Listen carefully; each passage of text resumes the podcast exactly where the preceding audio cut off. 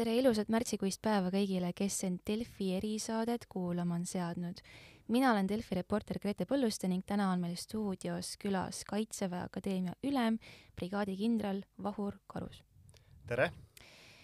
no meil siin Eestis särab päike, eh, puhub poolsoe kevadtuul ja piirangud eh, suuremalt jaolt läksid ka maha, aga meist tuhat kilomeetrit lõunas on need eh, rõõmusõnumid täiesti tühised, sest juba kahekümnendat päeva, kui mul on õigus, on inimestel sealkandis ööpäevaringselt mõttes vaid see, kuidas end, oma lähedasi venelaste käe läbi siis suremisest, vägistamisest, sandistamisest või muust kohutavast säästa.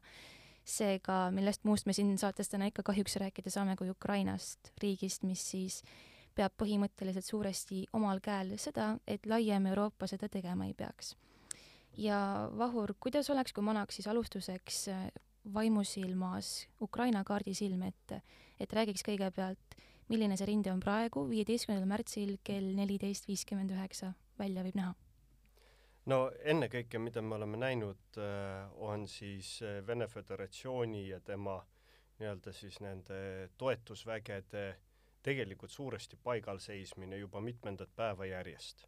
noh, sellel on ilmselgelt erinevad põhjused kas need on ainult logistilised, seda me ei oska öelda, ilmselgelt praegu kõige aktiivsem tegevus äh, käibki pigem siis äh, Donetski, Luganski oblastites ja tegelikult Mariupoli juures.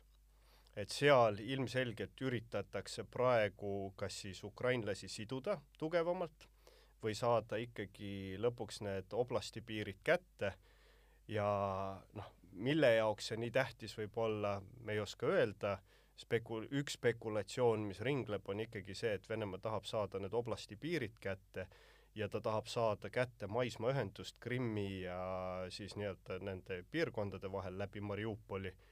ja see võiks olla nagu üks neid asju, kus Venemaa võib-olla nagu tekitab lihtsalt sellise fait accompli, ehk siis, et noh, nüüd hakkame läbi rääkima et see on see, mis me oleme näinud ülejäänud osades Kiievi juures ja seal on olnud äh, luurelahinguid, aga enamustes rindelõikudes ikkagi on Vene Föderatsiooni väed olnud äh, juba viimased päevad suht staatilised no Lääne-Ukraina siia üldse kuidagi sisse ei jõudnud, et seal on ju olukord võrdlemisi rahulik olnud terve see aeg, terve see aja.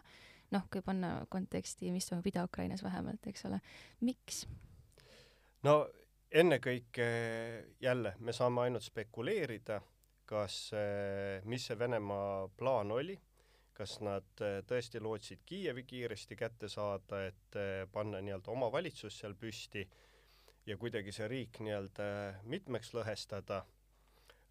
üks pakkumine on ka, või üks spekulatsioon on kindlasti ka see, et Venemaal ikkagi ei ole nii palju vägesid, et terve Ukraina korraga tegelikult lahingutegevusse tõmmata.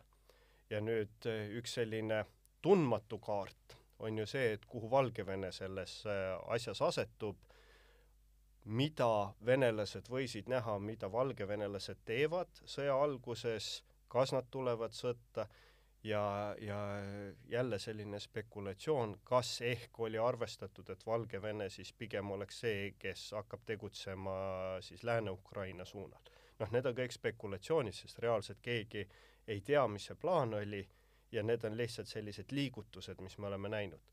Need viimase päeva, viimaste päevade raketirünnakud Lääne-Ukraina linnadel, noh, mina näen neid pigem sellise nii-öelda heidutava, markeeriva efektina lääne siis sõjalisele abile, mis sisse tuleb, ka võib-olla humanitaarabile ja kindlasti noh, Lääne-Ukraina, Lääne-Ukrainas on endiselt üksused, keda Ukraina väed saavad kasutada nii-öelda üksuste roteerimiseks. ka siis nende nii-öelda paigal hoidmine kas või kuidagigi võib olla see nii-öelda taktika, miks viimastel päevadel on hakatud ka Lääne-Ukraina linnasid ründama? no see Vene, Valgevene aspekt just nimelt, et äh, no üht-teist on seal tehtud, on ju, on ju olnud juttu ka sellest, et Valgevene pidavat minema suuremas mahus sõtta Ukraina vastu, aga seda ei ole juhtunud vahepeal.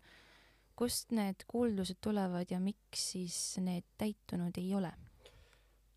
noh, üks asi, kust need kuuldused kindlasti alguse võisid saada, on see, et noh, me peame minema ajas ikkagi kaks-kolm aastat tagasi, ehk siis äh, ka need äh, nii-öelda Lukašenko vastased äh, mässud, mis toimusid, peale seda on ilmselgelt toimunud tegelikult Valgevene üksuste järjest tihedam liitmine siis äh, Vene nii-öelda lääne operatiivsuunaga kas nüüd kõik üksused on äh, nii-öelda ära liidetud, me nii-öelda teame avalikest allikatest, et kindlasti on nende eriüksused ja õhudessantväed väga tihedalt Venemaaga seotud ja osa Venemaa plaanist.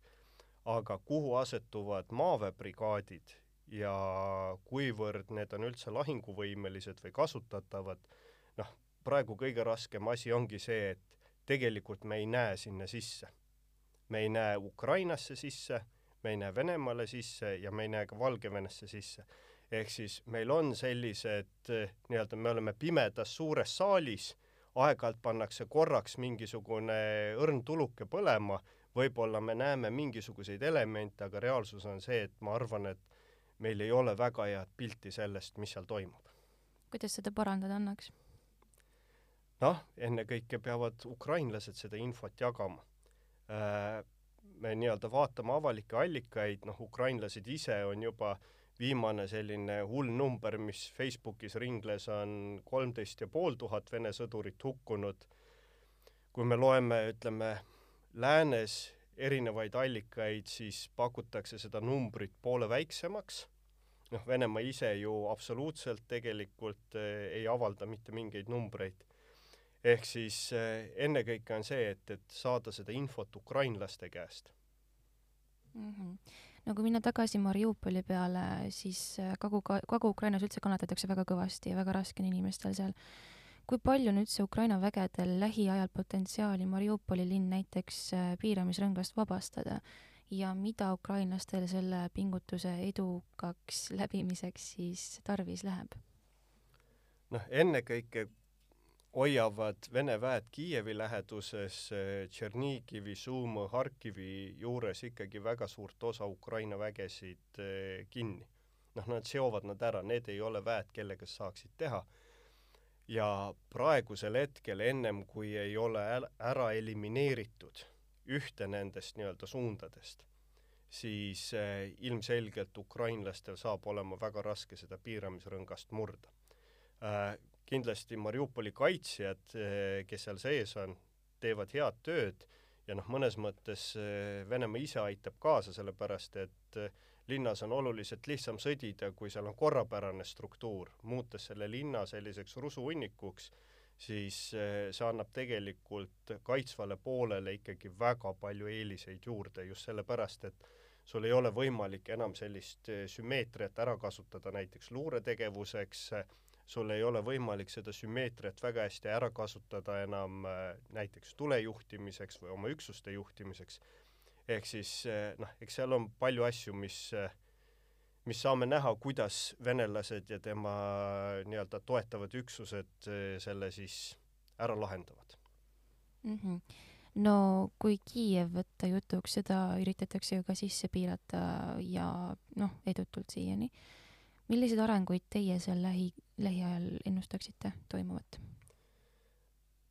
kui ma vaatan seda, et üksused on staatilised olnud päris pikka aega ja toimub selline ainult luurelahingud, siis pigem on see etapp nüüd, kus ilmselgelt Venemaa vägedel on see nii-öelda ümberkorraldamise faas, võimalik, et seal teatud ülemad vahetatakse välja tuuakse logistika kohale ja ilmselgelt planeeritakse siis, kuidas edasi minna. noh, mõnes mõttes praegu sellised luurelahingud indikeerivad, et doktrinaalselt nad on nüüd raamatu riiulist nii-öelda välja võtnud, loevad seda ja hakkavad seda lahingut väga ilusti ette valmistama Äh, sellegipoolest, kui me vaatame seda vägede kontsentratsiooni seal, siis ainult nende vägedega, mis on liikunud Valgevenest, ütleme siis äh, Dnepri läänekaldal Kiievi peale, tal ei ole võimalust seda linna ümber piirata. ta ei suuda seda lihtsalt hoida. selle jaoks, et ta suudaks seda efektiivselt teha, näen mina, et nad peaksid äh, siis nii-öelda Suumõ juures saama suurema läbimurde Harkivi juures, ehk siis need on need kohad, kust eh, nii-öelda ida poolt ikkagi see linn suudetaks kuidagi kontrolli alla võtta. nüüd lõuna poole, noh, ilmselgelt eh, selle, selle väe nii-öelda lahingukorda seadmine ja lahti kerimine sealt eh, siis nii-öelda Valgevene poolt lõuna suunale saab olema ikkagi Vene Föderatsiooni vägedele paras selline peavalu, sellepärast et hetkel mõnes mõttes me näeme, et Venemaa seisab silmitsi kõige hullema asjaga, millega üks sõjavägi võib silmitsi seista. ehk siis jaa, me räägime hästi palju, kui tu-, tubli on Ukraina territoriaalkaitse, me pigem näeme teatud indikaatoreid, et seal on tegu rahva ülestõusuga. ja see on selline asi, mille vastu ükski sõjavägi ei taha sõdida, sellepärast et see teeb sõjaväest metsistunud karja. nii et äh, partisani sõda peate silmas, et inimesed äh, küladest tulevad, peavad äh, omal algatusel sõda venelaste vastu? noh, partisanisõda on ikkagi sõjanduses väga selgelt defineeritud, see on üks selline nii-öelda lahinguökonoomia liike, et pigem rahva ülestõus on siis see spontaanne, kus äh, inimesed, kes ei ole saanud mingit juhatust, kellel ka võib-olla ei ole ühtset juhtimist, võtavad oma jahipüssi või mis iganes relva nad kätte saavad ja nii-öelda stiihiliselt astuvad tegelikult äh, siis ründajale vastu. ja kui võtta laiem pilt, siis kuidas see Ukraina armeega kooskõlas toimub, kas see nagu valmistab mingit peavalu ukrainlastele endile ka armees, kui sellised asjad toimuvad, või see on puhtalt ainult kasufaktor? See kindlasti takistab Vene Föderatsiooni vägedel oma nii-öelda nendel äh, varustusliinidel või, või liikumisteedel äh, sellise julgeoleku tagamist. ja see tähendab seda, et iga asula, mille nad, millest nad tahavad läbi minna, nad peavad seda kuidagi kontrollima ja see tähendab seda, et nad peavad hakkama kasutama üksusi, keda nad muidu saaksid kasutada äh, lahingutes. see on, see on selline hästi suur probleem pigem see praegu aitab Ukraina regulaarvägesid sellega, et nemad saavad keskenduda siis konkreetselt nendele kriitilistele nii-öelda kohtadele, kus lahingud käivad, Kiievi ümbrus, Harkiv, Sum ja ilmselgelt siis äh, Donbass äh, alla kuni Mariupolini, pluss siis see, mis on nii-öelda Odessa ja, ja Zaporožje suund. et see probleem võib olenevalt nüüd sellest, kui hästi suudetakse seda kontrolli alla saada, ütleme siis tsiviilvõimude poolt või organiseeritult, mida pikemaks see konflikt läheb, seda raskemaks saab neil olema selle nii-öelda oma kontrolli alla saamine mm. -hmm. aga kui nüüd Odessast rääkida, linn, mis on valmistunud blokaadiks ja dessandiks, kuidas, kuidas seal lähipäevil siis arengud välja võivad näha? Ma hetkel, kui ma vaatan ka neid varustusliinide pikkusid, mis on nii-öelda Krimmist tulles siis Vene Föderatsiooni vägedele tekkinud, nad ongi, nad lähevad kolmes erinevas suunas praegu korraga. ehk siis on väga selgelt Mariupoli suund, siis on Zaporožje suund ehk siis Dnipro peale ehk siis Dnepri jõe äh, parem kallas või idapoolne kallas ja siis need liikumised, mis nüüd on toimunud üle Hersoni ja, ja Odessa poole mingil hetkel peab see väejuhatus ära otsustama, kus tema põhilöök on, ta ei suuda korraga kolme paralleelselt arenevat rünnakusuunda lihtsalt nagu käigus hoida. no kas seda saab siis asjatundmatuse alla liigitada või on seal lihtsalt gaas lahti, Vene armee poole peal nimelt? ei, Vene armee puhul peab alati aru saama, et eh, ka nende käitumine lahingus on ikkagi väga palju oportunistlik, et seal, kus sa edu saavutad, sinna sa hakkad edenema äh, hästi huvitav oligi, et kohe alguses tegelikult lõunasuund oli kõige edukam, aga ilmselgelt seal on omad probleemid, ehk siis üksuste ümberpaigutamine Krimmi on teatud põhjustel raske, see on nimelt ainult üks sild, mis siis viib Krimmi, hakata neid üksusi kuskilt mujalt välja tõmbama, laevadele laadima, Krimmi sõidutama ilmselgelt ei ole selline nii-öelda kasutatav variant praegu ehk siis pigem nad ongi kasutanud ära võimalikult palju neid võimalusi, mis neil on tekkinud ja praegusel hetkel ma ütleks edasi, et eks nad on hakanud tasakesi kulmineeruma ja see tähendab jälle veel kord, et tegelikult see väejuhatus, kes seda operatsiooni lõunas läbi viib, peab ühel hetkel otsustama, kuhu ta siis, kuhu korvi ta oma munad paneb mm. -hmm. no mu kolleeg käis eile välja ühe hea mõttekillu, et äh, näiteks, et siis Esimeses stuudios siin Eestis äh, räägivad Eesti sõjamehed justkui pooleldi itsitades, et et need Vene sõdurid on ikka saamatud Ukrainas ja noh, selles mõttes sotsiaalmeedia toetab seda narratiivi. aga samal ajal külvavad need sõjardid Ukrainas siiski hävitust, katastroofi, surma, mida kõike muud kohutavat. ja inimesi jumatakse massihaudadesse. ning äh, küsimus olekski, et kuidas siis see nii-öelda saamatu ja motivatsioonita Vene sõdur ikkagi nii palju kaost suudab külvata? Ei, me kindlasti ei itsita ja ei vaata seda, kui saamatu on äh, Vene sõdur, et vaatamata kogu sellele olukorrale, mis on tekkinud, äh, sa ütlesidki hästi õigesti, nad endiselt ju liiguvad edasi, nad endiselt saavutavad äh, mingisuguseid eesmärke. ehk siis jaa, võib-olla teatud inimesed on langenud sellise eufooriarüppe, kui hästi ukrainlased äh, nii-öelda vastu panevad ja nad panevadki hästi vastu ja nad sõdivad korralikult. aga noh, kui me vaatame kas või neid kaotuste numbreid, noh, kümme protsenti ühe suure väe kaotusest noh, ei ole tegelikult mingi põhjus operatsioonide äralõpetamiseks, neil on jõudu, neil on varustust endiselt küll ja küll. Lihtsalt ongi see, et äks, eks hästi palju hakkab mõjutama nüüd see, kuidas ukrainlased suudavad eh, siis nende logistikat mõjutada ja kuivõrd nende regulaarvägi suudab teatud eh, võtme nii-öelda kohtades äh, seda vastast eh, kinni hoida. no siinkohal kohe küsikski, et üks USA erukindral väljendas väga hiljuti arvamust, et Ukraina võidab sõja, esiteks, ja teiseks eh, siis seetõttu, et venelastel on nii inim-, aja kui ka varustusressurss kümne päevaga otsa saamas. kuidas teie sellesse eeldusesse tema poolt suhtute äh,? ma väga tahan, et Ukraina selle konflikti võidab äh,. mis puudutab venelaste ressursse äh,, kui me vaatame siin eh, ka teatud kirjandust, mis on, ütleme, viimase kolme-nelja aasta jooksul läänes toimunud, mis räägib Vene armee sõjapidamisest, siis ilmselgelt nende, nad kahe tuhandete alguses eh, tõmbasid oma sõjaväge väga palju kokku. Nad minu teada ühel aastal lasid lahti korraga kas nelikümmend tuhat ohvitseri ja see oli siis see suur reform, kus nad eh, pigem kaotasid ära kõik kaadriüksused, ehk siis see, kus on ainult sul staap olemas, aga aga sõdurid tulevad ainult sõja korral harjutamiseks. ja panid kokku oma üksused, mis nii-öelda päriselt suudavad igapäevaselt ka ikkagi võitluses osaleda. üks osa sellest reformist oli ka see, et nad eh, üritasid osasid logistikafunktsioone tegelikult eh, nagu sõjaväes kinni panna eeldusel, et sa saad seda siis tsiviilühiskonnast, ma ei teagi, mis see hea sõna outsourcing ule on, ehk siis, et sa saad sealt, noh, see ei toiminud ja tegelikult Venemaa, ütleme selline armee, armeekorpuste, diviiside logistika on endiselt suhteliselt sellises turbulentses ajastus, kus nüüd üritatakse tagasi minna ja, ja ilmselgelt see on hästi palju mõjutanud seda üksuste varustamist.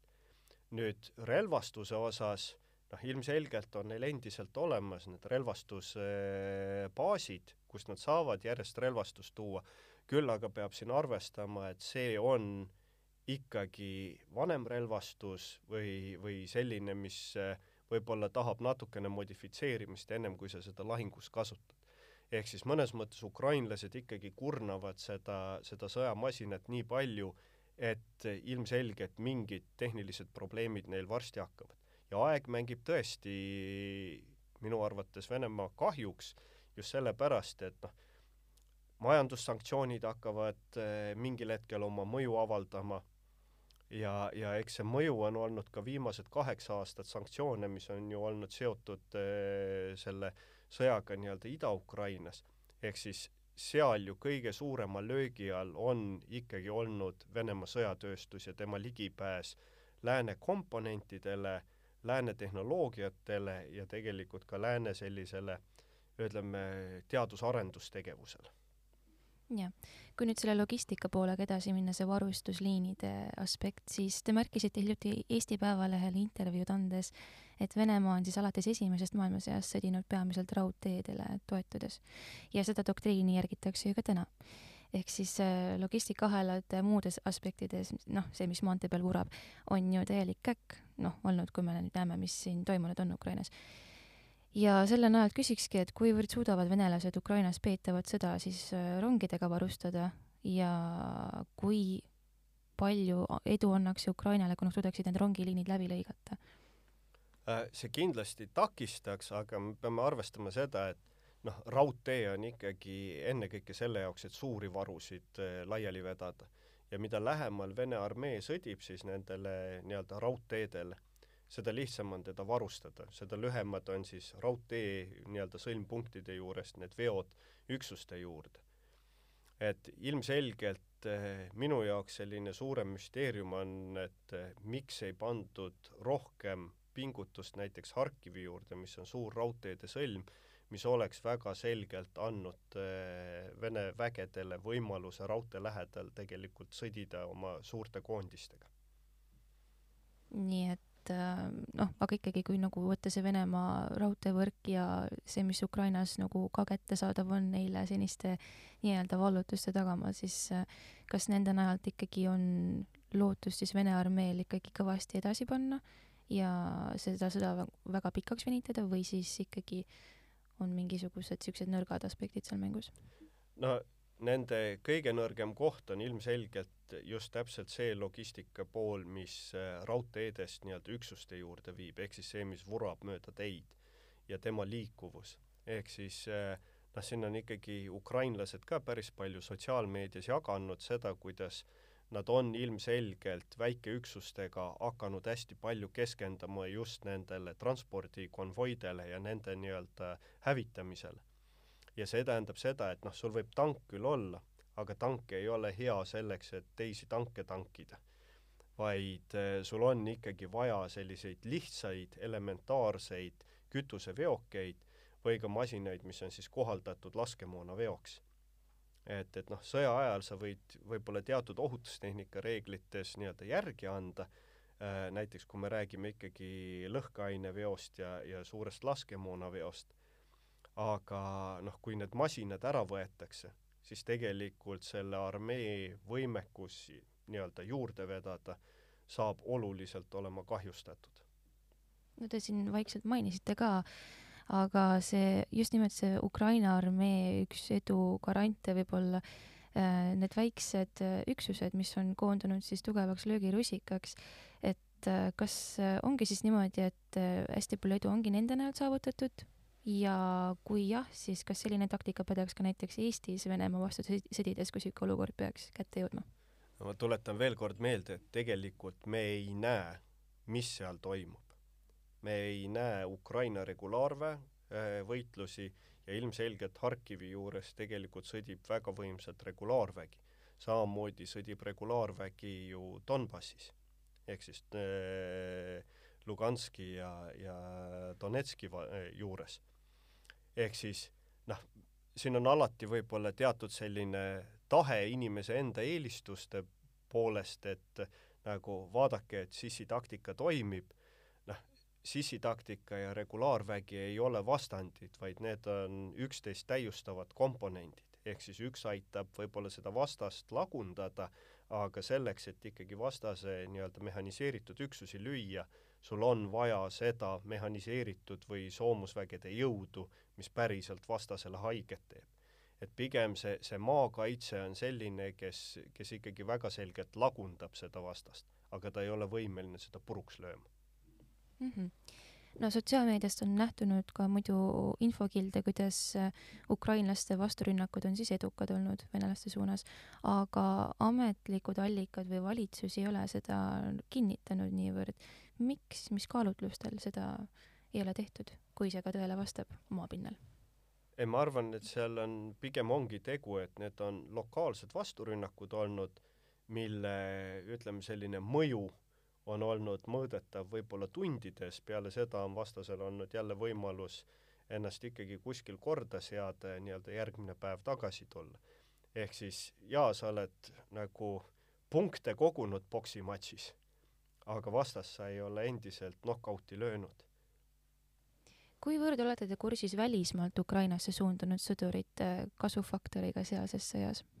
ei oska tõesti öelda, eks palju sõltubki sellest, kes neid õpetab, kuidas neid õpetab ja kuidas neid organiseeritakse, aga selle kohta mul info puudub mm. -hmm. no rahvusvahelises meedias on räägitud äh, seda ka, et need Türgi Bayraktarid, et need on venelaste jaoks suureks hirmuks ja külvavad siis noh, vaimset õudu ja ka päris nagu sellist terrorit, eks ole et kas äh, see on tõesti sõjalises olukorras selline imesid tegev relv või on nende droonide näol siiski pigem tegemist nagu proka-, propagandistliku ja psühholoogilist terrorit õhutava relvaga äh,? noh, me võime tagasi minna Mägi-Karabahhi sõja juurde, kus me ju esimest korda sedasi avalikkuses nägime ikkagi selle täppisründe relva kasutamist ja, ja mis on selline üks huvitav asi, et kui vaadata nüüd Mägi-Karabahhi sõda, siis väga palju sihtmärke, mida tabati, olid sellised, mis olid pikka aega paigal püsinud. ehk siis ta kindlasti on äh, hea relv, aga nüüd, kas ta on päriselt ka nii hea, nagu teda praegu promotakse, eks ukrainlastel on ka teatud äh, piirangud sellega, noh, selles suhtes, kui palju neid lihtsalt olemas on ja kindlasti ta on üks selline komponent, mis aitab seda vastast lagundada, aga ta ei ole kindlasti sõda muutev komponent mm. -hmm. no kui nüüd äh, kodumaisele tasandile tulla selle Ukraina, Ukraina sõjaga, siis äh, Riigikogu võttis üsnagi üksmeelselt vastu otsuse, millega nõutakse NATO-lt Ukraina kohale no-fly zone kehtestamist. ja NATO on siiani seda vältinud ja seda siis äh, kaalutlusel, et see võib tekitada laiema eskalatsiooni sõjas. aga mis on teie silmis see lävend, mida Venemaa peaks tegema, et hakataks aktiivsemalt kaaluma lääne rahuvalve või siis no-fly zone'i või muude samakaaluliste meetmete rakendamist? noh, jääme ikkagi esialgu selle nii-öelda lennukeelutsooni juurde. et eh, kui me vaatame neid põhilisi, ütleme siis linnade ründamisi, siis need ei toimu lennuvahenditega need toimivad rakettidega, need toimivad tavalise suurtükiväega, ehk siis noh, nende vastu ei aita ükski lennukeelutsoon.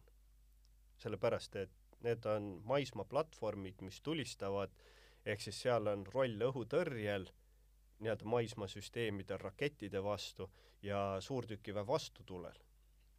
ja, ja selle lennukeelutsooni sinna panemine võibki olla see, et noh, Venemaa õhuvägi ei ole ajalooliselt kunagi olnud tegelikult selline noh, väga iseseisev, sellepärast et eh, Vene nii-öelda juba ka enne teist maailmasõda doktriini järgi ikkagi õhuväe ülesanne on toetada maaväe tegevust. ja ta on väga selgelt eh, taktikalise operatiivtegevusega seotud väeliik, mis tähendab seda, et noh, tema õhuvägi opereeribki ennekõike seal, kus on tema maaväed nende toetuseks ja nüüd, kui me paneme selle lennukeelutsooni, noh, siis meie enda nii-öelda lennuvahendid, meie enda piloodid peavad hakkama seda ellu viima. ja siis on see, et kui keegi saab pihta, kas me oleme reaalselt valmis selleks, et Eesti muutubki legaalseks sihtmärgiks või nii-öelda seaduslikuks sihtmärgiks Venemaa jaoks. et noh, see toob kindlasti endaga alati teatud sellised eh, nii-öelda järgnevad tegevused ka meie vastu. aga, aga selles suhtes, eks see, see küsimus on endiselt üleval äh,. pigem praegu ongi üks põhjuseid, miks seda eemal hoitakse, on see, et kõige, kõige suurem kahju tekitamine toimub ikkagi maismaaplatvormidega ja nende vastu noh, me ei lähe Venemaad ilmselgelt ründama Venemaa territooriumile praegu no Venemaa lennutas Horvaatiasse drooni, mis siis NATO liitlase pinnale maha kukkus, katki kukkus. ja Venemaa ründas ju ka hiljuti Poola vahetus läheduses asuvat sõjaväebaasi. lisaks sellele siis äh, tuleb ju sõnumid sellest, kuidas Venemaa küsib Hiinalt abi selle sõja toetamiseks, ükstapuha mis kujul see oleks siis. mida nagu need märgid näidata võivad, kas see sõda on Ukrainas ka tasapisi tilkumas üle NATO piiri, kas on võimalik, et see eskaleerub laiemalt? Noh, kuna tegu oli mehitamata lennuvahendiga, siis me ju ei tea, mis seal toimus, kas see läks lihtsalt kontrolli alt välja ja nii-öelda lendas kuhugile. noh, ma ei taha selles osas üldse spekuleerida, et kas see oli mingi teadlik samm või kas see oli üldse Venemaa. Äh, ilmselgelt Venemaa on selle asja tootnud, nüüd äh, selle äh, baasi ründamine noh, ma ütlesin ka pühapäeval Eesti Päevalehele juba, et pigem ma näen seda, et seal üritati jälle markeerida või, või kuidagi siis segada võib-olla ka nende lääneriikide sõjalise toetuse nii-öelda saabumist. ehk siis ilmselgelt kuskil peavad olema Ukrainal need kohad, kus nad eh, kogu selle abi kokku koguvad, kus see nii-öelda laiali veetakse noh, me ei, meil ei tasu arvata, et Venemaa ei luura, ei sihtmärgista kõiki neid kohti ja ei oma teavet sellest, kus nagu mingid asjad on. ehk siis see on pigem selline, kus nad üritavad kontrolli alla saada võib-olla teatud, teatud selliseid täiendustegevusi. et sellest nüüd lugeda ülemäära palju välja, noh, nad tegid esimesel päeval ka kohe sinnasamasse lähedale tegelikult rünnaku, et aga sellele ei järgnenud mitte midagi ja see Hiinalt abi küsimine, noh, eks ilmselgelt eh, see on üks neid riike, kellega Venemaa on ikkagi arvestanud, et ta vähemalt on neutraalne selles konfliktis. Ja selliste riikide poolt, kuna Hiina sõjavägi ikkagi kasutab väga palju varustust, mis on nii-öelda Vene patendid või, või Venemaal toodetud siis ilmselgelt see on üks neid riike, kust oleks võimalik saada vajalikke varuosi või, või muid asju, et me ju täpselt ei tea, mille osas nad äh, abi üldse küsisid. aga mis saab siis ikkagi, kui jätkatakse rünnakuid äh, NATO riikide lähedastele sihtmärkidele ja mis saab siis, kui Vene mürsk langebki NATO pinnale? no kui mürsk langeb, siis äh, seda on juhtunud erinevates kohtades, et eh, eks me siis saame näha. mina ei hakka spekuleerima sellega, mis siis saab. aga senikaua, kuni nad ei ole reaalselt NATO territooriumi rünnanud, siis ei ole põhjust, et me peaksime neid hakkama omakorda ründama mm. -hmm. no nende küsimustega oleme me siis põhimõtteliselt eetriaja mõttes lõppsirgele jõudnud. nüüd äkki lõpetuseks siis äkki saate kokku võtta, et mis seisus on täna omadega Vene armee ja mis seisus Ukraina armee ning milliseid arenguid siis lähipäevil oodata on? ma arvan, et Venemaa armee praegu ikkagi koondab oma vägesid, eh, korraldab neid ümber ja eks nad natukene ka ilmselgelt ootavad nüüd, et eh, mis siis nii-öelda ilm ja maastik teevad, ehk siis praegu on teede lagunemise aeg, mis kestab ikkagi praktiliselt noh, aprillikuuni, mis ei anna neil võimalusi maastikku ära kasutada soomusüksuste manöövriks, vaid nad on ikkagi suhteliselt palju nii-öelda seotud äh, suurte magistraalide ja teedega. kindlasti selline vaiksem periood annab Ukrainale nüüd võimaluse oma üksusi roteerida, natukene puhkust anda ja samal ajal jätkates siis äh, sellist äh, nii-öelda segavat tegevust nende tagalas, vältida äh, seda, et venelased saaksid korralikult välja puhata või, või rahulikult olla.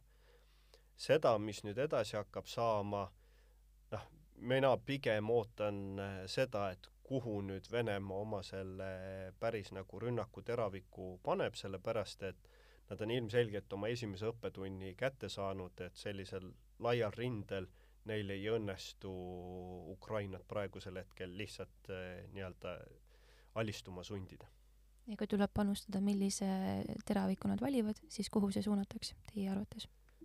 ootame erinevad kõnelused, mis siin diplomaatide tasandil eh, nii-öelda peetakse, ootame selle läbi, et siin võib tulla huvitavaid arenguid, kus eh, mingil hetkel Venemaa, nagu ma juba alguses ütlesingi, et üritab lihtsalt kätte saada siis eh, Luganski ja Donetski nii-öelda oblasti piire ja jääda selle juurde, et tal on olemas Krimmiga maismaaühendus üle Mariupoli. et noh, elame-näeme. Kiievi jaoks neil ilmselgelt eh, selleks, et Kiiev ära võtta, noh, seda väge praeguse Ukraina nagu vastupanu puhul ma ei näe seda. no selge, eks siis vaatame-näeme. aitäh, et tulite ja teadmisi jagasite. aitäh! ja sellega ongi erisaade tänaseks lõppenud.